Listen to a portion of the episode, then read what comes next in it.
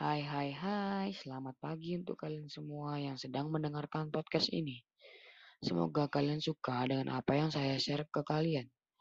Semoga dapat menginspirasi dan menambah ilmu.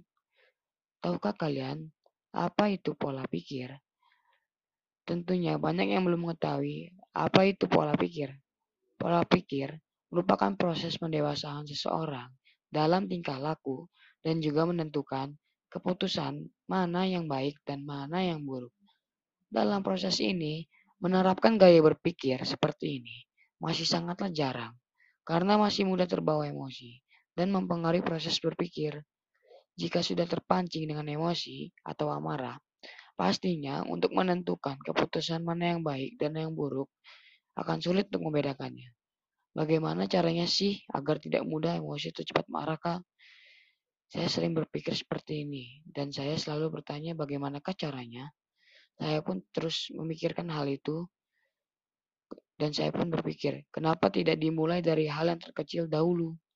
Seperti terus berpikir positif, dan ketika mempunyai masalah, saya harus menanggapi dengan senyuman. Hal itu akan membuat pikiran kita jauh lebih rileks lagi. Kok bisa sih rileks hanya padahal kan cuma tersenyum dan berpikir positif, Kak? Tentu saja bisa dong, karena berpikir positif dan tersenyum itu memiliki banyak manfaatnya loh. Selain membuat pikiran kita rileks dan mengurangi resiko stres, juga bisa menghilangi penyakit lainnya loh.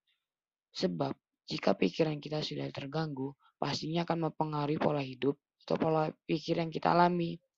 Selain berpikir positif dan tersenyum, jangan lupa Terus berusaha dalam doa agar selalu dimudahkan di setiap jalan yang dilalui. Oh, begitu toh, Kak. Ya, makanya jika kita mempunyai masalah, hadapi masalah tersebut walaupun sesulit apa pun itu.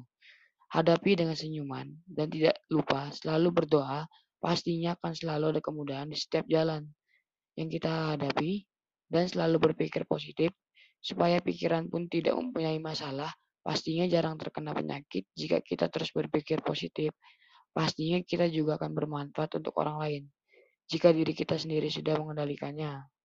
Terima kasih Kak atas saran positifnya. Ya, sama-sama.